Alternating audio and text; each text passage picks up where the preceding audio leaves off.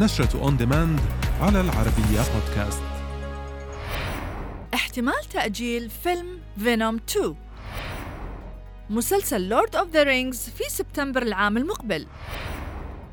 إيرادات ب 72 مليون دولار ل The Suicide Squad 2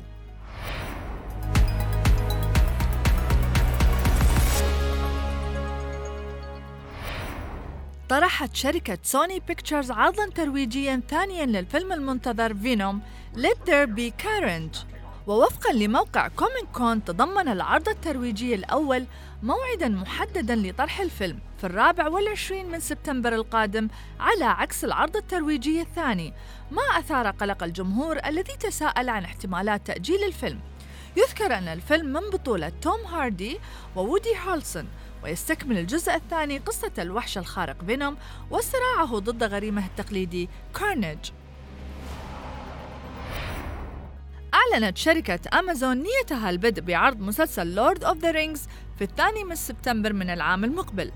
واستحوذت أمازون على الحقوق التلفزيونية لهذا العمل في العام 2017 مقابل 250 مليون دولار. ووفقا لموقع أمازون ستوديوز تدور أحداث المسلسل في الأرض الوسطى. ويشارك فيها بعض الشخصيات المعروفة وهي تنطلق بمغامرات غير مسبوقة تحدث في فترة سلم نسبي قبل آلاف السنوات من التطورات المذكورة في of the Rings و The Hobbit.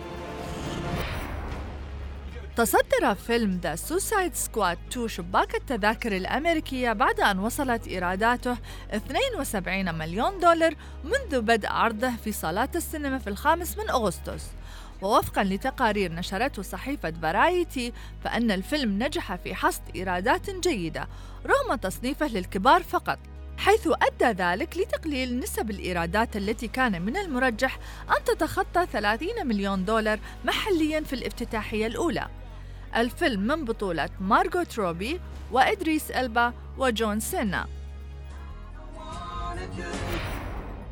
أطلقت اتش بي أو ماكس العرض الترويجي للموسم الثالث لمسلسل Doom Patrol والذي سيعرض في الثالث والعشرين من سبتمبر المقبل.